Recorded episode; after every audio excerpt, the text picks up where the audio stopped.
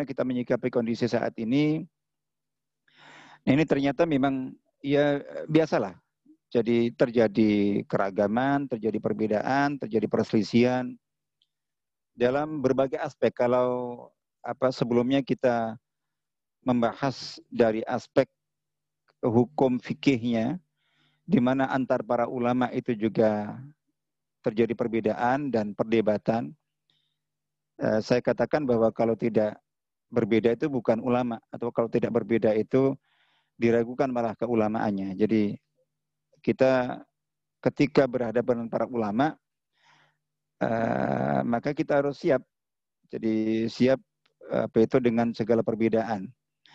Uh, jadi kita membahas tentang masalah masalah yang terkait dengan konsekuensi hukum syar'i atau hukum fikih yang apa yang merupakan bagian dari dari dampak dampak atau kondisi yang khusus terjadi uh, karena terdampak oleh uh, fenomena wabah yang begitu luas dan tentu kita terus berharap mudah-mudahan Allah Taala senantiasa merahmati kita dan segera ya mengangkat uh, apa itu wabah ini. Itu keinginan kita.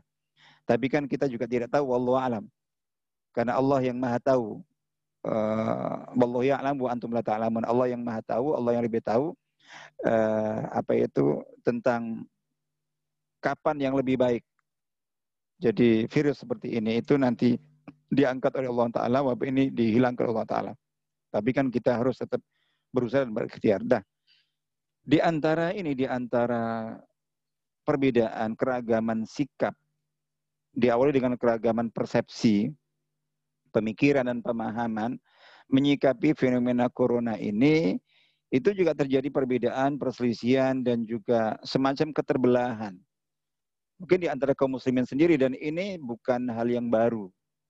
Ketika menyikapi fenomena apa pun, sepanjang sejarah itu ada keterbelahan yang disebutkan di sini apa ya dua kutub pemikiran ya, yang ada kaitannya dengan masalah akidah, masalah pemikiran keislaman dalam menyikapi uh, fenomena apa fenomena COVID ini, baik COVID-19 ini, baik dari aspek mungkin dari aspek uh, faktor penyebabnya, kemunculannya. Jadi apakah ini apa alami ya. Alami dalam artian bahwa ini terjadi sebagai bagian dari fenomena alam. Fenomena alam yang tetap bagaimanapun ada uh, sebab-sebabnya. Ada faktor-faktor penyebabnya mengapa terjadi begini. Artinya penyakit uh, terjadi, muncul itu bisa dipelajari. Jadi dipelajari itu penyebabnya apa? Baik secara alami ataupun uh, penyebab yang selama ini juga kita baca berbagai teori bahwa ini konspirasi, bahwa ini merupakan bagian dari dari apa itu perang global antara kekuatan-kekuatan adidaya saat ini dan ini merupakan salah satu senjata modern yaitu senjata biologis. Nah, terlepas apakah faktor munculnya itu uh, alami, jadi alami tidak ada campur tangan yang disengaja dari manusia, atau ini merupakan rekayasa. Tapi kedua-duanya itu adalah uh, jadi kelompok pertama menyikapi itu sebagai jadi uh, apakah ini merupakan apa ya merupakan merupakan uh, hal yang alami terjadi karena ada fenomena alam, faktor-faktor alam uh, terjadi sebab akibat atau seperti apa atau ataupun dalam hal apa bagaimana ini menyebar. Mulai dari Wuhan di Cina sana, terus kemudian begitu cepat sekali menyebar ke eh, negara-negara lain sampai ke negeri kita dan bahkan uh, juga termasuk yang sangat dahsyat sekali adalah negeri yang yang merupakan paling adidaya saat ini adalah eh, USA, Amerika Serikat.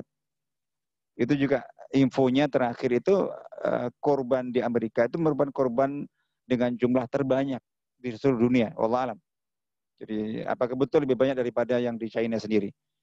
Nah, jadi ada perbedaan, perselisihan dan keragaman sudut pandang bahkan sampai keterbelahan dalam menyikapi itu itu eh, baik terkait dengan faktor penyebabnya awal mulanya dan ini dari mana terlepas bahwa apakah itu alami atau rekayasa yang kedua adalah tentang eh, bagaimana ini kemudian menyebar. Yang ketiga adalah bagaimana kita menyikapinya Nah ini yang disebutkan dua kutub pemikiran itu ada yang menyikapinya uh, dari apa berangkat dari pijakan akal, logika, pengetahuan dan pemikiran. Jadi pemikiran artinya bahwa baik dari aspek penyebab, penyebab kemunculannya awal atau tentang bagaimana penyebarannya maupun kemudian bagaimana cara kita menyikapinya itu semuanya di uh, di apa didasarkan kepada kepada ini kepada uh, apa pendekatan akal, pendekatan logika, pendekatan sains, pengetahuan. Jadi yang didasarkan kepada kepada ini kepada kaidah umum eh, kaidah dasar eh, apa misalnya sebab akibat. Terus kemudian setelah itu kemudian ya Eh, semua dikembalikan kepada ada sebab akibat, lalu kemudian bagaimana menyikapinya itu juga bisa dipelajari. Jadi intinya di, seperti itu, uh, apa dan kemudian tidak dikaitkan secara langsung itu uh, atau secara dominan kepada aspek keimanan dalam kaitannya dengan dengan apa dengan dalam tanda kutip ya peran Allah Taala bahwa ini merupakan uh, takdir Allah, ini merupakan apa ya uh, di situ ada campur tangan Allah bahwa di situ adalah ketentuan Allah bahwa di situ ada dan segala macam itu itu uh, jauh dari itu. Murni diarahkan atau didekati dengan pendekatan akal logika ilmu pengetahuan dan pemikiran.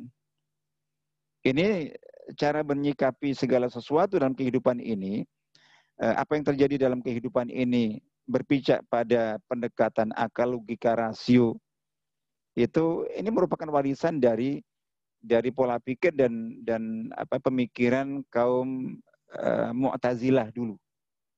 Jadi yang dikenal Mu'tazilah uh, kaum Qadariyah itu kaum yang ya dikenal sebagai rasionalis. Segala sesuatu itu didekati dengan pendekatan rasio, logika, akal pikiran. Jadi gitu. Uh, sesuai dengan kaidah-kaidah sunatullah yang bisa dipelajari dan dikaji. Tidak dikaitkan dengan eh, dengan aspek keimanan, akidah, eh, peran Allah, perbuatan Allah, takdir Allah. Karena memang kaum Mu'tazilah itu merupakan kaum rasionalis di satu sisi, tapi di sisi lain juga mereka dikenal sebagai pengingkar takdir. Jadi nama Al-Qadariyah itu kata-kata qadar, jadi kelompok yang dinisbatkan kepada takdir, qadar itu bukan yang beriman kepada takdir, tapi yang justru mengingkari takdir. Jadi justru mengingkari mengingkari takdir. Nah, eh, apa itu? Jadi jadi ini itu kelompok pertama.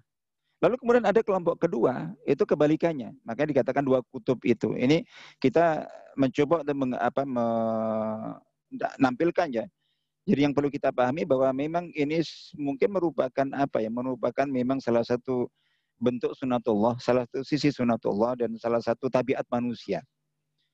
Jadi dalam menyikapi hal apa pun, jadi baik yang bersifat dini, keagamaan, keimanan maupun dalam uh, dalam apa dalam hal yang sifatnya duniawi, keduniaan, itu selalu ada selalu ada dua kelompok yang sama sama-sama ekstrimnya, ekstrim kanan, ekstrim kiri.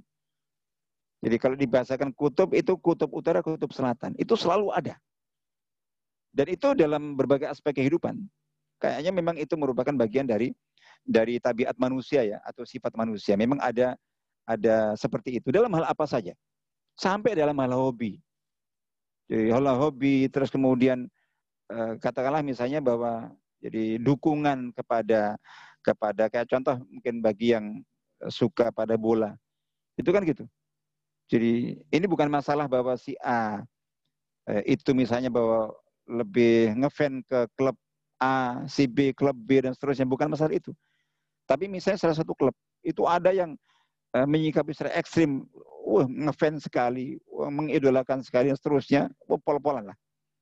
Tapi ada sebaliknya itu kelompok yang membenci sekali dan antipati sekali. Jadi seperti itu, bahkan dalam uh, berbagai aspek kehidupan. Nah, ini tabiat manusia kayaknya dan ini sunatullah.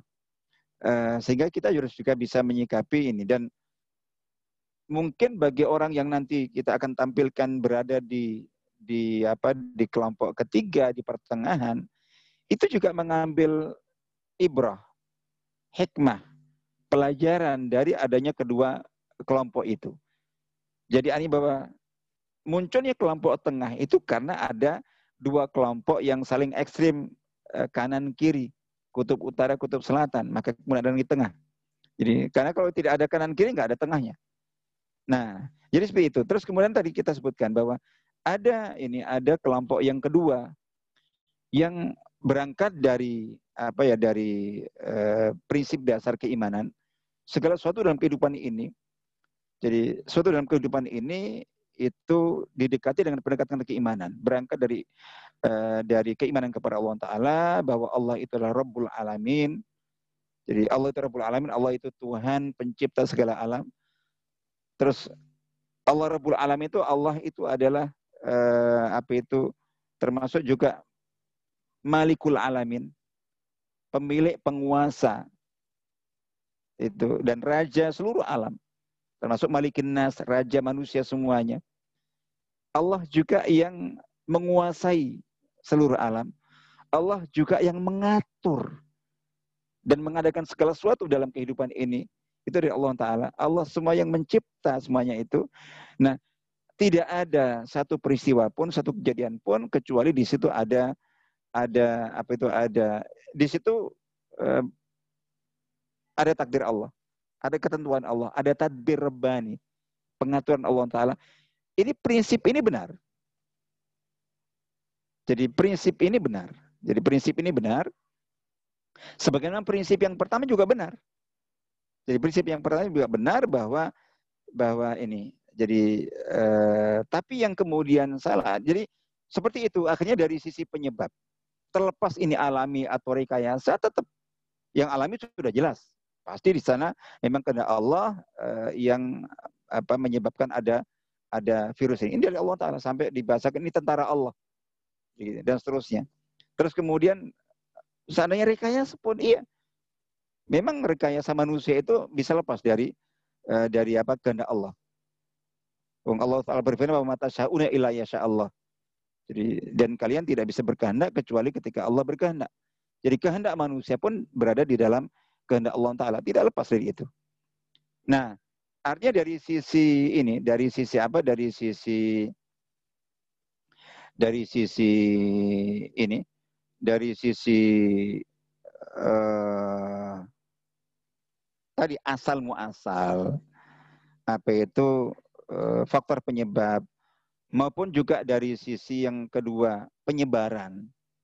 Jadi bahwa misalnya penyebabnya alami, ya Allah yang mengadakan. Tentu ada hikmahnya. Terus kemudian bahwa oh ini ada rekayasa, Allah juga yang yang mentakdirkan mereka-mereka begini, begini dan begitu. Terus kemudian yang uh, berikutnya penyebarannya, ya Allah yang menghendaki. Berangkat dari Wuhan, Cina, terus menyebar ke mana-mana, ya tentu Allah ada maksud, ada tujuan, ada hikmah. Jadi ada ada kehendak. Jadi mengapa kok kemudian disebarkan seterusnya. Termasuk di antaranya kemudian dalam cara menyikapi. Cara menyikapi kemudian di, juga dikembalikan kepada faktor udah disikapi ini sebagai takdir kita terima. Jadi kalau kita sebagai korban yang kita terima itu dan kalau kita uh, menjadi korban maka kita bahkan seorang itu sampai uh, sampai kemudian menjadi korban terinfeksi virus itu lalu kemudian bahkan ada beberapa di antara yang sampai kemudian meninggal ya sudah itu takdir Allah Taala. Dan kalau dia menerima dengan sabar dia berhak mendapatkan uh, apa uh, kemuliaan dan dan derajat mati syahid. Misalnya seperti itu. Terus kemudian ya udah kita lalu kemudian kita hadapi karena ini terus dikaitkan bahwa ini semua karena dosa manusia maka caranya adalah agar supaya kita lakukan dengan toba dengan istighfar semuanya itu. Begitu lalu kemudian tadi melakukan berbagai amal yang sifatnya syar'i, kita berbanyak salat, kita berbanyak doa, kita berbanyak zikir. Termasuk di antaranya yang kelompok ini rata-rata tidak setuju. Jadi tidak setuju ketika uh, ketika ada apa ya ada fatwa banyak ulama atau bahkan jumhur dari mayoritas ulama itu yang sampai uh, apa itu meniadakan salat berjamaah itu di masjid. Oh ini nggak benar ini. Jadi dalam hati dikatakan bahwa bahwa apa seperti taun ya, virus taun salah satu jenis wabah itu itu di apa dikirimkan Allah sebagai azab. Tapi kemudian Allah menjadikannya sebagai rahmat bagi orang orang orang beriman, rahmat bagi orang beriman. Dan cara kita menghadapi uh, apa itu hal yang buruk seperti ini bukan dengan cara menjauh dari masjid, tapi harus kita mendekat dengan masjid. Akhirnya kemudian ya itu apa yang saling disepakati sebagai apa uh, langkah atau opsi social distancing atau distance dengan kita menjaga jarak dan menghindari kerumunan termasuk kerumunan dan perkumpulan dalam rangka amal ibadah itu ditolak. Enggak, kita tidak takut kepada corona, ini adalah kiriman Allah, takdir Allah dan tentara Allah, kita hanya takut kepada Allah Taala. Andai pun kita terkena kita ah. Terus kemudian tadi ditabrakkan. Nah, dua kutub ini, jadi dua kutub ini itu akhirnya berlawanan. Sebetulnya ke, prinsip dasar cara normatif yang menjadi dasar utama masing-masing itu benar. Artinya bahwa jadi yang yang apa yang menjadi ini yang apa yang yang uh, yang menjadi dasar yang pertama itu bahwa semua dikembalikan kepada logika akal itu benar. Jadi adanya sunatullah, sebab akibat, pasti ada ini dan itu. Dan kemudian setelah itu menyikapinya itu benar secara umum. Tapi yang salah adalah yang salah adalah kemudian itu di apa? Jadi yang salah bukan karena dia dia menyikapi itu dengan pendekatan sains, uh, rasio, akal, logika. Itu tidak salah, itu benar. Karena memang segala sesuatu dalam kehidupan ini itu di apa uh, itu terjadi karena sunatullah. Jadi itu karena sunatullah. Jadi jadi sunatullah sebab akibat dan seterusnya. Jadi insya Allah begitu. Jadi uh, apa? Jadi nah ini yang yang yang perlu kita kita pahami adalah uh, jadi itu benar. Yang salah itu bahwa yang yang apa yang uh, memiliki pemikiran menyikapi ini berpijak pada akal, logika, rasio, ilmu pengetahuan, sains dan segala macam. Dan langkah-langkah yang dilakukan itu juga semuanya didasarkan kepada pertimbangan-pertimbangan berdasarkan ilmu pengetahuan dan seterusnya. Jadi gitu. Itu tidak salah, itu benar. Yang salah apa? Yang salah ketika menafikan aspek keimanan.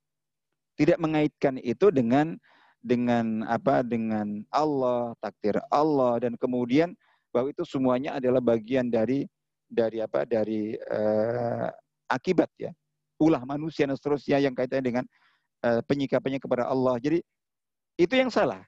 Nah, yang kedua juga sama. Kutub yang kedua yang mendasarkan penyikapan kepada aspek keimanan akidah, jadi gitu, itu itu tentu juga benar. Ini adalah takdir Allah, ketentuan Allah dan pasti Allah ada hikmahnya. Dan dan kita harus dekati dengan cara takarib ilallah dan seterusnya. Itu benar. Tapi yang salah adalah ketika mereka menafikan. Menafikan aspek sunatullah. Jadi seperti itu.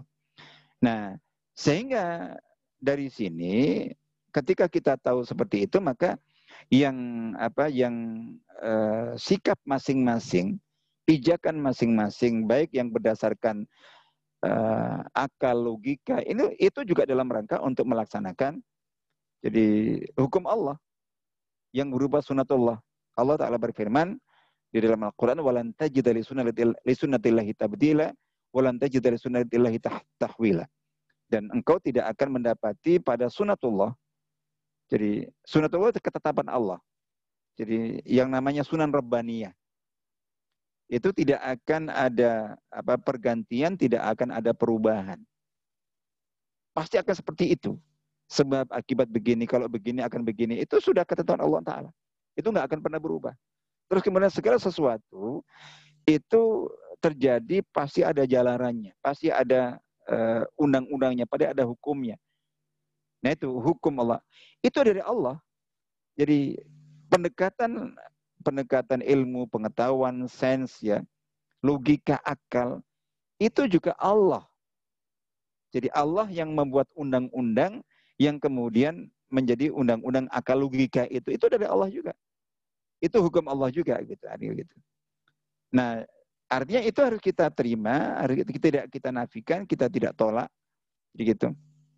Nah, tapi harus kita padukan, kita padukan dengan aspek yang kedua. Jadi pemaduan itu yang harus kita kita lakukan. Artinya bahwa bagi orang beriman itu tidak ini, jadi tidak menabrakkan. Karena sinkron kalau di sini ada faktor takdir. Jadi kita harus memahami. Jadi segala sesuatu itu Allah yang mentakdirkannya, Allah yang mengadakannya kan uh, dalam apa prinsip takdir. Jadi kita beriman kepada takdir itu kan para ulama menyebutkan ada ada empat macam atau ada empat tingkat arba maratib, ada empat peringkat takdir atau empat macam takdir. Atau iman kepada takdir. Jadi maksudnya yang dimaksud dengan takdir Allah yang harus kita imani itu apa sih maksudnya?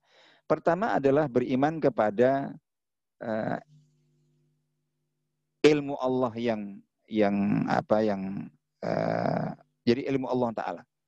Artinya Allah SWT itu mengetahui uh, segala sesuatu yang yang terjadi dalam kehidupan di alam raya ini itu jauh sebelum kejadiannya, kapan terjadinya, bagaimana terjadinya, di mana terjadinya, mengapa terjadinya, seterusnya.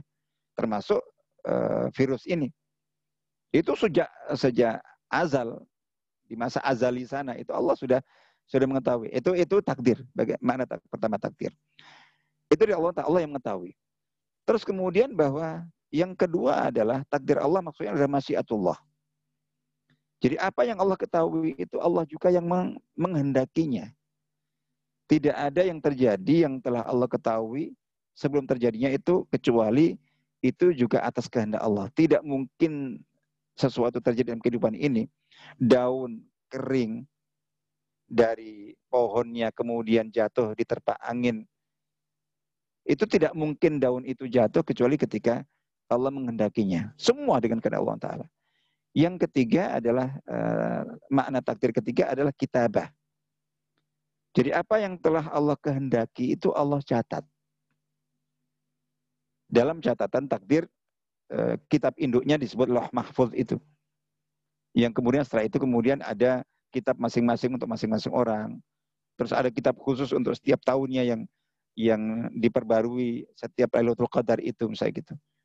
Nah, itu jadi Allah eh, apa itu jadi takdir kita beriman kepada takdir Allah itu artinya kita beriman kepada dalam konteks corona ini misalnya pengetahuan Allah, Allah sudah maha tahu tentang akan terjadi corona ini, itu uh, sejak awal, sebelum Allah menciptakan langit dan bumi ini semuanya, udah tahu. Jadi gitu. Tapi itu juga Allah yang mengendakinya. Jadi kemudian Allah sudah mencatatnya, sudah ada di catatan Allah. Jadi ma asabakum ma asaba min musibatin fil ardi wala fi anfusikum illa fi kitabim min qabli an nabra'aha dalam surat Al-Hadid itu ayat 22. Jadi eh, apa itu tidak ada satu musibah pun yang terjadi dalam eh, di muka bumi dan pada diri kalian kecuali sudah ada tercatat di sebuah kitab Loh Mahfud sebelum kami kata Allah menciptakan langit dan bumi. Sudah, itu ada semuanya sudah ada. Itu kitabah. Nah, yang uh, jadi semua sudah dicatat. Jadi tidak mungkin terjadi. Jadi itu dalam konteks takdir. Itu kecuali sudah ada dalam uh, apa catatan buku atau buku catatan takdir Allah Loh Mahfud itu. Tidak ada. Tidak ada hal baru yang terjadi di luar catatan itu. Itu kaidah takdir kita. Terus kemudian yang keempat, peringkat uh, apa itu? Uh, takdir yang keempat atau macam takdir yang keempat adalah al-khalq penciptaan, pengadaan. Artinya apa yang Allah sudah ketahui, seperti corona ini, itu sudah Allah ketahui akan terjadi, akan ada. Termasuk Allah maha tahu sampai kapan kita nggak tahu. Kita hanya bisa berharap mudah-mudahan secepatnya ini ini berakhir. Tapi Allah sudah tahu. Nah Allah yang apa yang sudah Allah ketahui tentang corona ini, Allah juga yang menghendakinya. Terus Allah sudah mencatatnya dalam kitab catatan takdir. Terus Allah juga yang mengadakannya dalam tanda kutip mengeksekusinya. Khalaq menciptakannya, mengadakannya. Kalau bukan Allah yang mengadakannya, tidak akan uh, terjadi apa yang yang apa yang harus terjadi itu. Nah, ini dalam konteks takdir. Ini dari Allah Taala. Semua dari Allah Taala. Nah, ini sebagai apa? Sebagai apa ya? Sebagai tanda orang beriman itu kita harus senantiasa mengaitkan mengaitkan apa pun peristiwa yang terjadi dalam kehidupan kita, pada diri kita sendiri, pada diri orang lain, pada kehidupan ini semuanya, dalam berbagai aspeknya, itu kita kaitkan semuanya dengan dengan apa dengan aspek keimanan. Jadi dia aspek keimanan pertama bahwa itu dari Allah Taala, tapi di saat yang sama itu juga terjadi pasti karena dosa-dosa manusia. Ini dari sisi pandangan syari. Kalau kalau apa kalau orang yang berorientasi murni kepada tadi logika, akal, sains itu uh, sering menafikan ini. Jadi ketika kita jalan, jadi uh, bawa motor, terus kemudian di tengah jalan motor kita kok uh, apa bannya gembes, gembos. Jadi dan seterusnya itu itu uh, orang yang berpola pikir dan pola sikap uh, dan selama ini hidupnya itu lebih berorientasi ke kehidupan sekuler itu langsung mencari penyebabnya itu penyebab-penyebab yang lahiriah, yang tampak. Oh tadi saya nggak hati-hati, oh karena ini. Itu benar semuanya, tapi orang beriman itu juga harus mengaitkannya dengan aspek keimanan. Oh ini pas uh, tadi saya ketika berangkat nggak doa. Oh tadi saya tidak lupa membaca ini. Oh tadi saya tidak ini dan itu. Oh tadi saya di tengah jalan uh, sempat melakukan maksiat mata, maksiat telinga, maksiat apa. Jadi kayak itu. Itu harus kita kaitkan semuanya. Jadi gitu. Nah, artinya bahwa uh, tadi kita kita sebutkan bahwa ini semuanya takdir Allah Taala. Jadi Allah yang mengadakannya, Allah yang menetapkannya dan seterusnya itu tidak akan terjadi sesuatu kayak itu. Nah, ini aspek takdir. Terus kaitannya dengan hal-hal yang bersifat syar'i. Bahwa segala kejadian termasuk keburukan itu akibat dosa manusia. Ini hukuman Allah Ta'ala. Seperti ada tsunami, ada gempa itu. Selalu dikaitkan ke sana. Sehingga kita harus, oh, kita harus mendekatkan diri kepada Allah Ta'ala dengan istighfar. Itu juga benar. Karena Nabi SAW ketika mengajarkan ke apa, memberikan bimbingan dan petunjuk kepada kita, petunjuk kepada kita, menyikapi fenomena alam saja kan. Menyikapi fenomena alam. Seperti gerhana bulan, gerhana matahari. Apalagi terus hujan yang bagi kita eh, pada musim penghujan ya hal biasa dan hujan kalau udah ada hujan ya ada angin, ada apa itu, ada uh, kilat, ada petir. Apalagi ada gunung meletus, ada banjir, ada tanah longsor, ada tsunami. Itu dulu belum ada semuanya ini di masa Nabi Muhammad SAW. Baru ada mungkin hujan, ada apa itu, ada kilat, ada petir, terus ada gerhana, yang sekarang ini gerhana bulan atau matahari itu bisa sudah bisa diprediksi atau diketahui oleh para ahlinya berdasarkan ilmu astronomi itu uh, apa puluhan tahun, ratusan tahun. Sekarang ini mungkin 10 tahun, 30 tahun, 50 tahun, 100 tahun yang akan datang kapan terjadi gerhana bulan, matahari itu sudah ada daftarnya. Bisa diketahui. Tapi itu dulu pada zaman Nabi SAW itu selalu mengaitkannya dengan dengan apa dengan aspek keimanan. Nabi menyikapinya ketika ada gerhana itu kayak besok akan kiamat. Jadi ketika ada gerhana itu disebutkan dalam hadis Nabi sedang bersama para sahabat itu terus kemudian dia tahu diberitahu ada gerhana, beliau langsung langsung berdiri, terus kemudian berlari terburu-buru menuju masjid sampai eh, jubah beliau beliau seret. Jadi gitu. Para sahabat mengikuti. Jadi jadi para sahabat mengikuti lalu kemudian uh, apa mengajak sholat, mengingatkan bahwa tobatlah, istighfarlah, perbanyaklah zikir dan doa. Insya Allah akan kiamat. Begitu juga ketika ada angin, begitu juga ketika ada hujan, begitu juga ketika ada petir. Artinya semua dikaitkan dengan keimanan.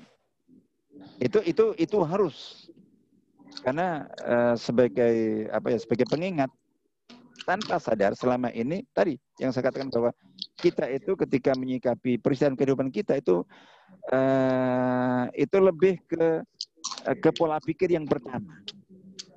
Jadi ketika ada tadi jadi ada bahwa ban motor kita gembos, kita kemudian mengini dan itu, itu kita selalu mencari penyebabnya itu ke penyebab-penyebab lahiriah. Jadi berdasarkan logika. Itu benar, itu tidak salah. Tapi menafikan bahwa di situ ada aspek penyebab keimanan yang kita dikatakan dengan syar'i itu tadi itu kita uh, ban kita bocor, ban uh, motor kita bocor atau mobil kita ini atau kita mengalami ini dan itu ini kok kita jalan ya. Jalan itu dari apa dari berangkat kita melewati lima apa uh, lima uh, traffic light ya. Itu kok merah terus gitu. Jadi kita bahwa itu biasa saja. Tapi bagi orang beriman kita itu mikir. Jadi gitu. Nggak mungkin itu kebetulan. Jadi gitu. Karena yang lainnya lu kok lancar terus. Ya biasanya oh, kan memang jamnya atau tempatnya. Iya kenapa kok? Kok dia tepat uh, apa hijau pada bedanya hanya satu menit dua menit, sementara saya ke bagian yang merah terus. Jadi gitu. Nah itu kalau yang yang berpikiran pertama menafikan aspek keimanan, ini berbahaya juga. Sebetulnya kita tanpa sadar kita uh, apa itu lebih banyak berpola pikir sekolah dalam keseharian kita menyikapi berbagai kejadian itu. Bahkan termasuk dalam bahasa. Jadi dalam bahasa. Kita membahasakan apa yang fenomena alam semuanya. Hujan turun kan, angin bertiup, awan berarak, jadi gunung meletus, terus kemudian dan segala macam. Coba baca Al-Quran dan baca hadis. Itu bahasa Al-Quran ketika membahasakan menceritakan hujan apa? Allah menurunkan hujan. Jadi Allah mendatangkan angin. Jadi gitu. Jadi bahwa Selalu Allah, dia. Yang ini. Semua dikembalikan kepada Allah Ta'ala. Bahkan, bahkan, bahkan kapal di laut. Kita akan mengatakan kapal berlayar. Kalau kita baca ayat itu Allah memperjalankan kapal. Menggerakkan kapal. Selalu dikatakan kepada Allah Ta'ala. Nah, ini ini real ya. Ini harus kita kuatkan. Nah, tapi bukan berarti kemudian kita berpihak ke kelompok ekstrim yang kutub uh, kedua tadi. Jadi itu. Ini harus kita dominankan. Uh, segala sesuatu kita dekati dengan pendekatan pendekatan keimanan. Itu harus dominan, kuat sekali. Tidak ada setitik peristiwa dalam kehidupan kita kecuali ada kaitannya dengan keimanan kita. Saya sering mengatakan bahwa kalau kita ada masalah dalam kehidupan kita, itu pasti karena kita punya masalah dengan Allah. Udah, itu kaidah. Ketika ada masalah, ini ini secara umum ya. Ini secara umum. Kalau kita bicara dalam konteks uh, dalam konteks kelompok orang yang oh, para wali, ulama yang level keimanannya sudah uh, setinggi langit, apalagi para sahabat, apalagi para uh, atau Nabi Muhammad SAW dan para nabi semuanya. Nah, tentu kita tidak menyikapinya seperti itu. Oh, kan Nabi juga ada masalah. Oh, berarti beliau bermasalah dengan Allah, bukan? Jadi ada aspek uh, kedua ada aspek kedua yaitu bahwa ketika masalah dihadirkan dalam kehidupan eh, manusia-manusia uh, termulia itu yang yang mungkin dalam pandangan kita orang yang nggak punya masalah, nggak punya dosa dengan Allah Taala. Nah, kok ada masalah dalam kehidupan mereka? Ini Allah ingin mengangkat jadi derajat mereka, meninggikan derajat mereka. Saya berbicara untuk umumnya orang, termasuk saya, termasuk kita semuanya, yang penuh dengan dosa itu kita eh, perlu berpegang pada kaidah ini. Tidak ada satu masalah pun sekecil apa pun dalam kehidupan ini kecuali pasti gara-gara kita ada masalah dengan Allah. Ini harus. Jadi gitu. Sekarang ini apa tidak eh, apa susahnya bagi Allah Taala untuk agar supaya virus corona itu melewati atau eh, kita hanya dilewati atau dilangkai saja nggak sampai ke kita. Bisa, semuanya bisa bagi Allah Taala, nggak ada yang mustahil. Tapi kenapa kok uh, apa ya, melewati kita? Pasti ada. Ya, kayak kita jalan lah, kita jalan di apa di jalan raya, kita udah hati-hati sekali supaya kita tidak nabrak, supaya kita tidak. Tapi tetap saja kita sudah hati-hati itu. Nanti ternyata ada yang nyerempet kita, ada yang ini kita. Orang ugal-ugalan. Nah, itu juga kita harus ini kan jadi uh, ugal-ugalan gitu. Itu kenapa? Kenapa ini? Kenapa kok kok, kok gitu dikatakan gitu? Oh, kenapa kita? Itu Allah Taala. Jadi seperti itu. Ya, jadi itu intinya secara umum. Nah, tapi tadi kita katakan bahwa jadi semua yang Allah takdirkan itu, kita dekat dengan keimanan itu tidak menafikan aspek yang terkait dengan ikhtiar. Yang berhubungan dengan sunatullah, konsekuensi dari dari aspek sunat. Jadi kaidahnya begini, bahwa segala sesuatu itu takdir Allah Ta'ala. Perhatikan, segala sesuatu terjadi itu pasti karena takdir Allah, dengan kehendak Allah, Allah yang mengadakannya. Jadi Allah yang mengadakannya. Jadi gitu. Jadi Allah yang mengadakannya. Uh, tapi kita juga harus paham bahwa segala yang Allah takdirkan itu itu terjadinya itu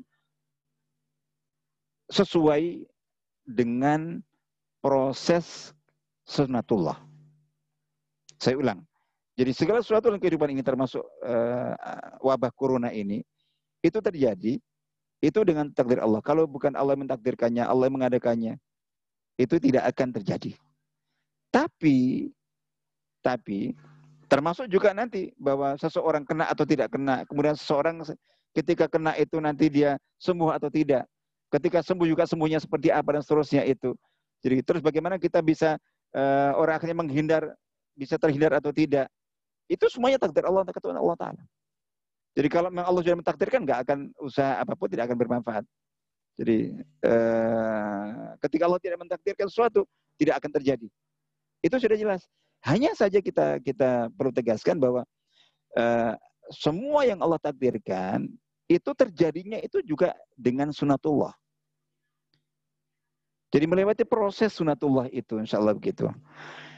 Baik, jadi insya Allah itu uh, saya kira uh, dan proses sunatullah itulah yang kemudian menjadi wilayah akal logika jadi menjadi apa akal logika dan dan ini dan apa dan dan apa ini uh, dan sains itu nah ini jadi mesti padu artinya bahwa iman kepada takdir karena Allah yang mewajibkan kita untuk beriman kepada takdir itu tidak menafikan ikhtiar. Karena Allah juga yang mewajibkan ikhtiar. Karena ikhtiar itu bagian dari konsekuensi kita mengetahui sunatullah. Hukumnya Allah juga gitu. Insya Allah begitu. Baik, saya kira itu insya Allah uh, mungkin uh, jadi silakan barangkali mungkin ada yang bisa di di ini di apa ditanyakan, uh, dikembangkan itu gambaran umum saja insya Allah uh, dalam kajian kita insya Allah mudah-mudahan uh, bisa ditangkap insya Allah. Jadi kalau khairan wasira untuk Ustadz Mundofar. Baik, untuk teman-teman barangkali ada yang ingin ditanyakan, tafadhol. Iya. Bisa di unmute atau lewat chat grup. Iya, entar silakan. Sebentar saya manggil. Iya, Ustaz.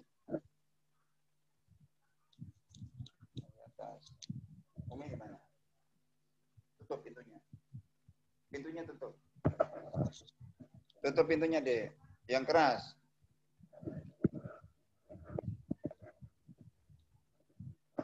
Iya, gimana? Ada ini? Ada yang ingin ditambahkan?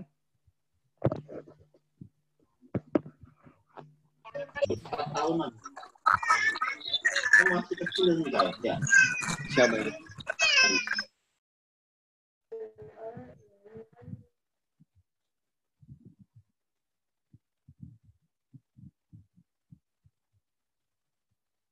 ya gimana? Enggak ada?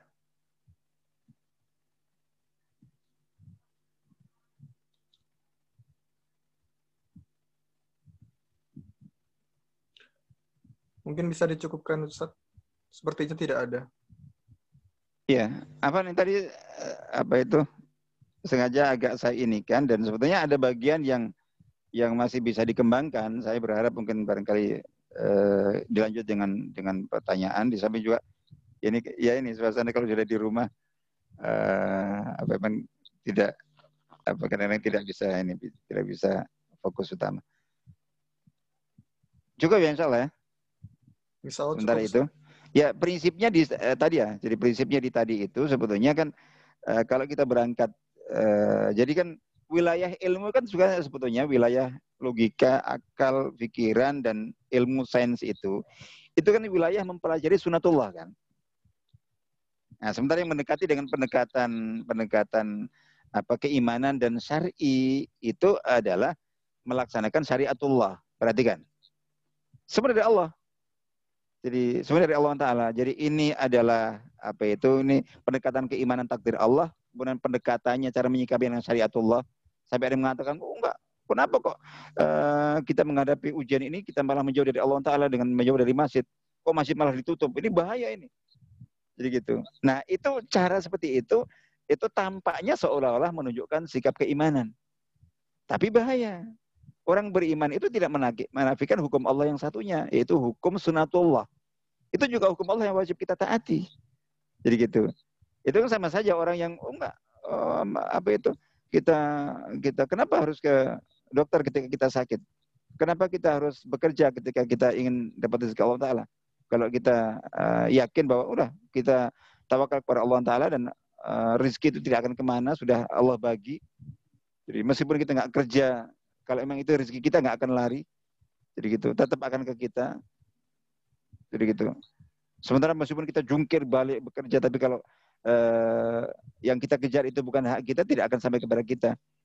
Itu kalau kita si bersikap seperti itu, terus kemudian udah kita nggak bekerja, kita nggak berbuat, berbuat, seperti yang eh, biasa kita saya katakan. Eh, itu kan oh sama saja yang lebih ekstrim lagi. Itu kenyang kenyang itu kan bukan uh, kalau kita ini, itu kan takdir Allah. Jadi gitu. Nah, itu bisa jadi ada orang yang yang kemudian nggak makan karena udah kalau Allah mentakdirkan saya ini dan seterusnya. Nah, jadi seperti ini. Jadi sebetulnya ketika kita pendekatan keimanan uh, syariat itu semuanya itu uh, itu benar, tapi yang salah ketika menafikan uh, aspek apa itu aspek ini syariatullah ini sunatullah, sama-sama dari Allah Ta'ala. Hukum Allah yang bersifat syar'i di situ atas keimanan, ini hukum Allah yang bersifat kauni. Itu juga hukum Allah Ta'ala. Yang wajib juga Allah yang mewajibkan kita beriman kepada takdir dan mengaitkan segala sesuatu uh, dengan Allah. Mengaitkan segala sesuatu dengan hubungan kita dengan Allah Ta'ala. Allah yang mewajibkan itu. Jadi dalam ayat-ayat tidak banyak sekali. Tapi di saat yang sama Allah juga yang mewajibkan kita untuk bekerja, berikhtiar, berusaha.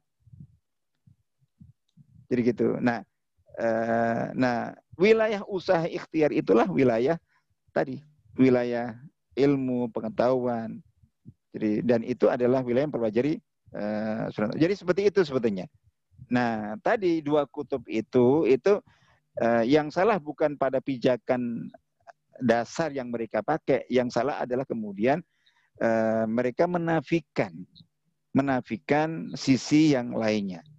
Nah, kita memadukan memadukan jangan cara yang apik, yang dominan betul pendekatan keimanan, bahkan termasuk ketika kita mempelajari ilmu, mengkaji itu harus kita bimbing dengan uh, nggak lepas dari keimanan. Seperti yang firmankan dalam surat Al Imran 190 151. Allah menjelaskan tentang sifat ulul albab itu kan. Jadi eh, diceritakan mereka siapa itu siapa orang yang cerdas, orang yang berakal sehat itu. Itu kan alladzina yadhkuruna Allah qiyaman wa qu'udan wa 'ala junubihim wa yatafakkaruna fi khalqis samawati wal ard.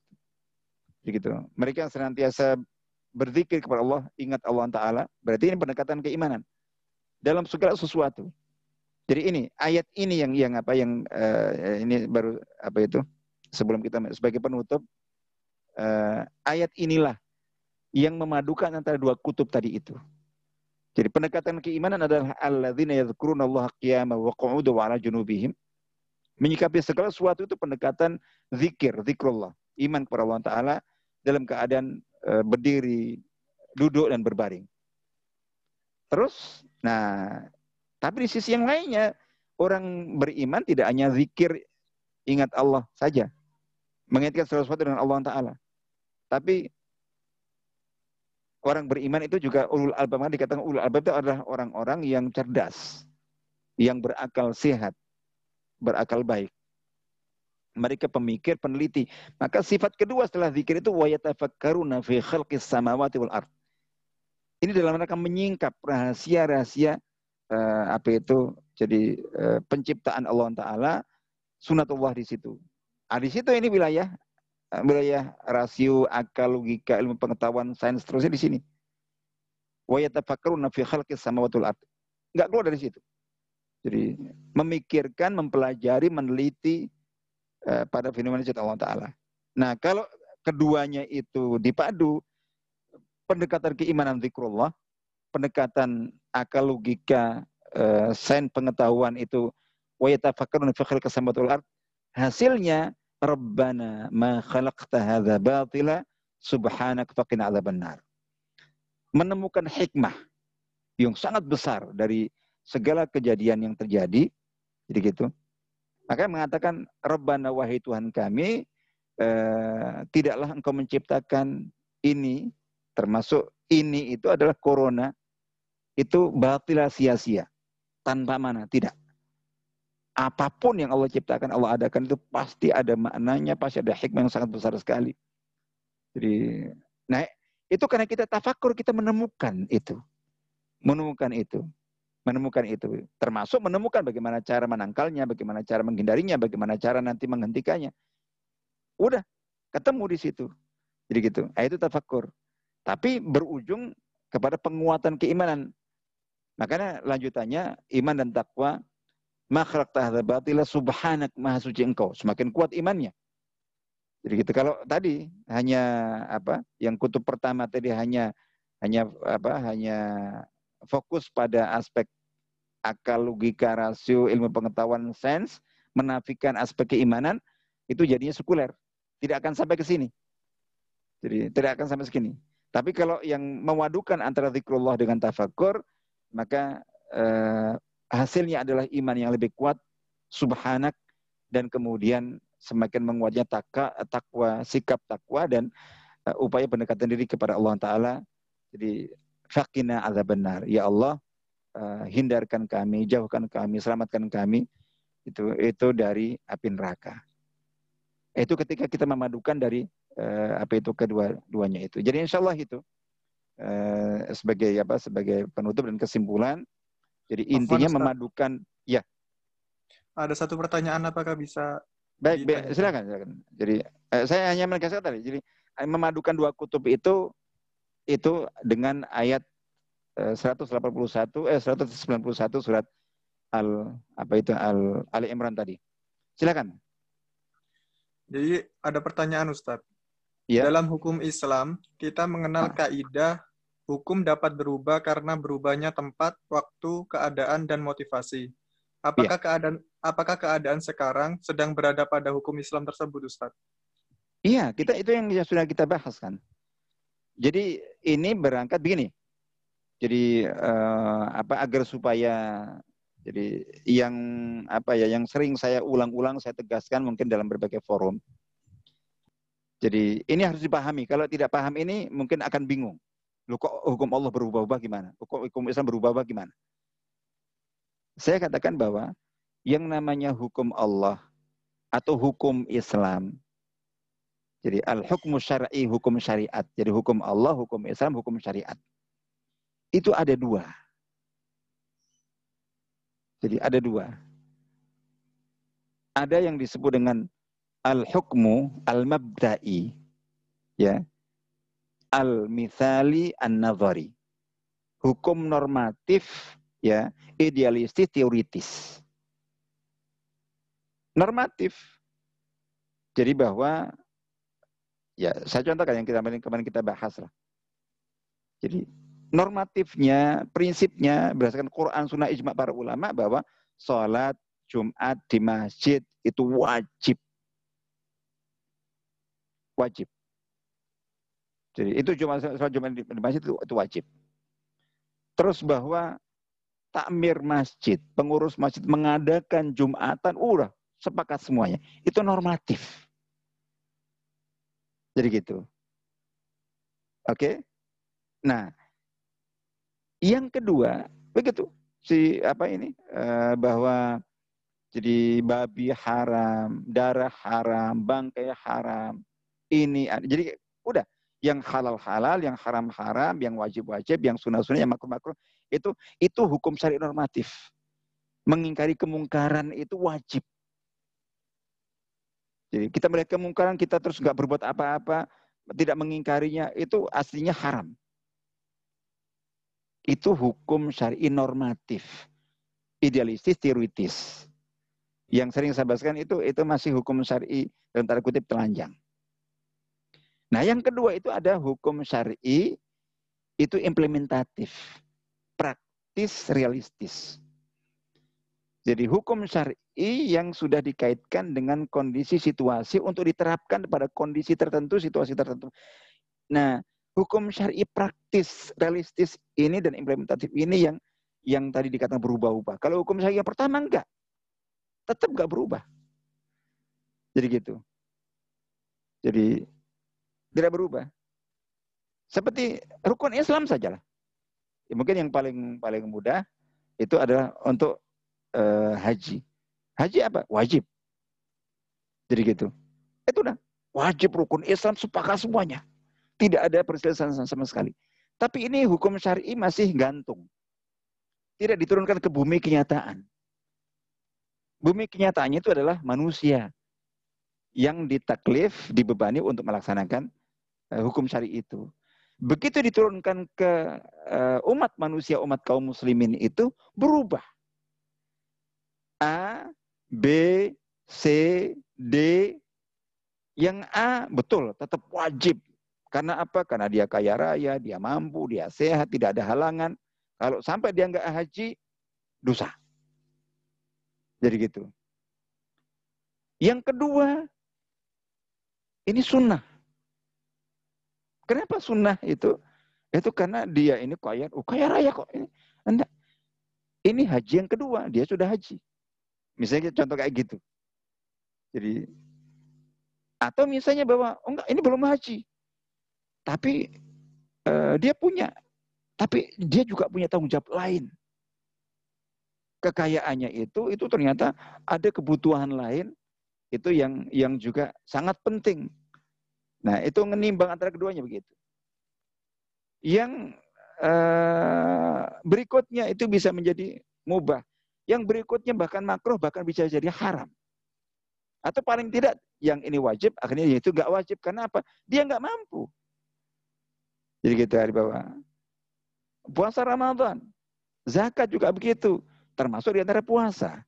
Nah, gitu. Jadi ada hukum normatif, hukum normatif teori itu seperti apa, tapi kemudian eh, tadi, nah yang berubah-ubah itu itu adalah bukan mengubah hukum Allah yang normatif enggak, tapi berubahnya itu itu adalah eh, dari aspek hukum implementatif. Salah satu yang mengubah adalah kondisi darurat itu paling dan mengubahnya ekstrim. Karena kaidahnya adalah ad-darurat tubihul mahzurat. Jadi bahwa eh, kondisi darurat itu menjadikan hal-hal yang mahzur terlarang, haram itu menjadi boleh. Ekstrim. Eh, Imam Ibn Qayyim rahimahullah itu, eh, itu menyebutkan bahwa mengingkari kemungkaran hukumnya apa? Wajib kan? Itu hukum normatif satu, nggak berubah belum dikaitkan dengan dengan orang, dengan kondisi, situasi, tempat, zaman. Itu udah sepanjang nggak akan berubah. Jadi gitu. Yang dikatakan fatwa berubah itu karena kalau sudah fatwa itu fatwa untuk diterapkan. Itu juga hukum Allah. Jangan dikatakan bukan hukum Allah. Jadi gitu. Sehingga ketika kita saat ini e, mengikuti jumhur ulama, mayoritas ulama, mayoritas ulama yang memfatwakan bahwa kondisi ini sudah darurat sehingga sampai akhirnya mengugurkan kewajiban uh, sholat Jumat. Bahkan mengugurkan untuk pengadaan, bukan hanya gugur atas pribadi per pribadi, tapi pengadaan Jumatan itu gugur. Itu ketika memang itu dari ahlinya ulama yang ahli, itu juga hukum Allah. Jangan dikatakan itu mengubah hukum Allah, tidak. Itulah hukum Allah. untuk implementatif gitu. Tapi tidak mengubah hukum asal. Paham ya? Tidak mengubah hukum normatif asal. Itu tetap. Tapi untuk kondisi ini, karena ada kebutuhan, ada kondisi ini begitu. Ya salat saja kan. Salat itu aslinya itu inna salata kanat alal mu'minina kita bermukuta. Sesungguhnya salat itu itu adalah merupakan uh, kewajiban atas orang-orang beriman itu sebagai kewajiban yang ditentukan waktunya. Waktu Isya ada awalnya, ada akhirnya. Tidak boleh eh, melakukan sholat Isya sebelum waktunya, tidak boleh setelahnya. Maghrib juga begitu, subuh begitu. Ada batasnya seperti itu. Itu normatif asal. Tapi begitu diturunkan ke kondisi orang per orang, beda. Antara orang yang mukim, sehat, tidak ada uzur halangan, dengan yang musafir atau sakit. Langsung berubah. Dua salat bisa dirapel, bisa digabung. Jadi gitu. Artinya bahwa kalau kalau zuhur asar salat di waktu zuhur, itu asarnya itu nunut waktunya zuhur. Aslinya nggak boleh. Hanya gara-gara musafir. Yang musafir sekarang itu nyaman sebetulnya. Nggak berat, nggak apa naik uh, kita ke bandara naik taksi atau mobil ber-AC, uh, naik pesawat ber-AC sampai Jakarta juga mungkin uh, itu enggak berat sama sekali. Tapi itu sudah memberikan rukhsah. Jadi karena ada kebutuhan tapi kebutuhan biasa, apalagi yang darurat gitu. Itu langsung berubah itu kan. Jadi langsung kita boleh melakukan sholat di luar waktunya. Baik sebelum waktunya atau sudah waktunya. Kalau sebelum waktunya jamak takdim, setelah waktunya jamak takhir. Itu, nah itu, jadi jadi seperti itu. Jadi kalau kita memahami akan mudah. Jadi kalau tidak memahami ini bahwa hukum Allah, hukum Islam, hukum syariat itu ada dua. Normatif dan implementatif. Yang dikatakan berubah-ubah itu adalah implementatif. Itu sejak jangan bukan jangan sekarang, sejak zaman Nabi. Nabi menerapkan uh, Islam itu kepada para sahabatnya berbeda-beda. Jadi ada sahabat yang senior gitu ya, sama yang dekat dengan Nabi. Itu masya Allah, tidak sholat, eh, misalnya tidak sholat apa, tidak sholat malam yang sunnah itu, oh dimarahi. Atau paling tidak dikerasi sikapnya. Tapi ada orang yang Arab Badui yang baru masuk Islam, tanya, terus bersumpah setelah tanya tentang uh, syariat Islam yang wajib-wajib saja, sholat hanya lima waktu, puasa hanya Ramadan saja, zakat, ini udah. Setelah itu dia bersumpah, demi Allah saya tidak akan mengurangi, demi Allah tidak akan menambah e, dari yang wajib itu. Artinya tidak akan yang sunnah-sunnah tidak akan mengurangi. Tapi untuk orang seperti ini Nabi menjamin dia masuk surga. Beda-beda. Jadi kayak gitu. Nah, itu yang berubah-ubah. Itu adalah hukum syari implementatif dan itu juga hukum Allah, itu juga hukum Islam. Jangan katakan ketika kita eh, apa itu jadi wah ini kok nggak sholat Jumat? Saya sudah. Jadi hari bapak eh, saya sudah dua pekan lebih sekarang ini sholat di rumah. Udah rasanya udah nggak tahan, kangen ke masjid. Apalagi di masjid juga masih ada azan dan dan apa dan uh, sudah sekali saya tidak jumatan. Saya sholat di rumah dengan eh, anak-anak uh, itu. Itu juga rasanya gimana gitu. Jadi gimana tapi tadi itu karena kita ini sudah berdasarkan fatwa para ulama dan saya juga uh, setuju itu itu ini juga bagian dari menerapkan syariat Allah Taala. Jadi begitu. Jadi makanya disampaikan sama Ustaz uh, apa Agim dan juga Ustaz Abdul Somad itu kan. Jadi pada saat kondisi normal biasa kita saat ke masjid itu melaksanakan syariat Allah Taala. Dalam kondisi seperti ini dan itu sudah berdasarkan fatwa ulama dan ahlinya dan mengatakan ini syariat Allah bahwa kita sholat di rumah itu juga dalam rangka melaksanakan syariat Allah Taala. Jangan dikatakan bahwa oh itu meninggalkan masjid berarti melanggar syariat Allah Taala tidak. Insya Allah itu ya, jadi bisa dipahami. Kata kuncinya ada pada tadi, pembagian itu. Kalau orang yang tidak memahami dua pembagian itu akan bingung. Soalnya kok hukum Allah bisa berubah-ubah, berganti-ganti dan seterusnya itu. Tidak, yang tidak uh, yang tidak berubah itu normatifnya tapi yang berubah maksudnya implementatif itu terkait dengan kondisi orang per orang, kondisi uh, situasi tempat per tempat, masyarakat per masyarakat, kejadian per kejadian dan seterusnya. Ya, insya Allah itu. Baik, terima kasih Ustadz atas penjelasannya. Mungkin bisa ditutup Ustadz. Karena... Baik, insya Allah kita cukupkan, mudah bermanfaat dan mohon maaf jika ada, yang kurang berkenan. Uh, kita akhiri dengan uh, doa bersama sejenak kita awali doa bersama kita dengan membaca umul Kitab Al-Fatihah. A'udzubillahi minasyaitonirrajim. Bismillahirrahmanirrahim. Alhamdulillahirabbil alamin. Arrahmanirrahim. Maliki yaumiddin. Iyyaka na'budu wa iyyaka nasta'in. Ihdinas shiratal mustaqim. Shiratal ladzina an'amta 'alaihim ghairil maghdubi 'alaihim waladdallin. Amin. A'udzubillahi minasyaitonirrajim. Bismillahirrahmanirrahim. Alhamdulillahirabbil alamin. Hamdan yuafi ni'amaka fi mazidah. Ya Rabbana lakal hamdu kama yanbaghi li jalwajika wa sultanik. اللهم صل على سيدنا محمد وعلى وعلى آل سيدنا محمد والحمد لله العالمين. لا إله إلا أنت سبحانك إنا كنا من الظالمين. حسبنا الله ونعم الوكيل. حسبنا الله ونعم الوكيل. حسبنا الله ونعم الوكيل. ربنا ظلمنا أنفسنا وإن لم تغفر لنا وترحمنا لنكون من الخاسرين. اللهم إنا ظلمنا أنفسنا ظلما كثيرا ولا يغفر الذنوب إلا أنت. فاغفر لنا مغفرة من عندك وارحمنا إنك تواب رحيم. اللهم إنا نسألك اللهم إنا نسألك العافية في الدنيا والآخرة. اللهم اللهم إنا نسألك العفو والعافية في ديننا وفي دنيانا وفي أهلنا وفي أموالنا. اللهم استر عوراتنا وأمن روعاتنا. اللهم احفظنا من بين أيدينا. اللهم احفظنا من من خلفنا. اللهم احفظنا عن أيماننا. اللهم احفظنا عن شمائلنا. اللهم احفظنا من فوقنا. Allahumma inna na'udzubika min an nughtala min tahtina. Allahumma inna na'udzubika min al-barasi wal jununi wal judhama min sayyi'il asqam. Rabbana atina fi dunya hasanah wa fil akhirati hasanah wa qina adhaban nar. Subhana rabbika rabbil izzati amma yasifun wa salamun alal mursalin walhamdulillahi alamin. Wassalamualaikum warahmatullahi wabarakatuh. Waalaikumsalam warahmatullahi wabarakatuh.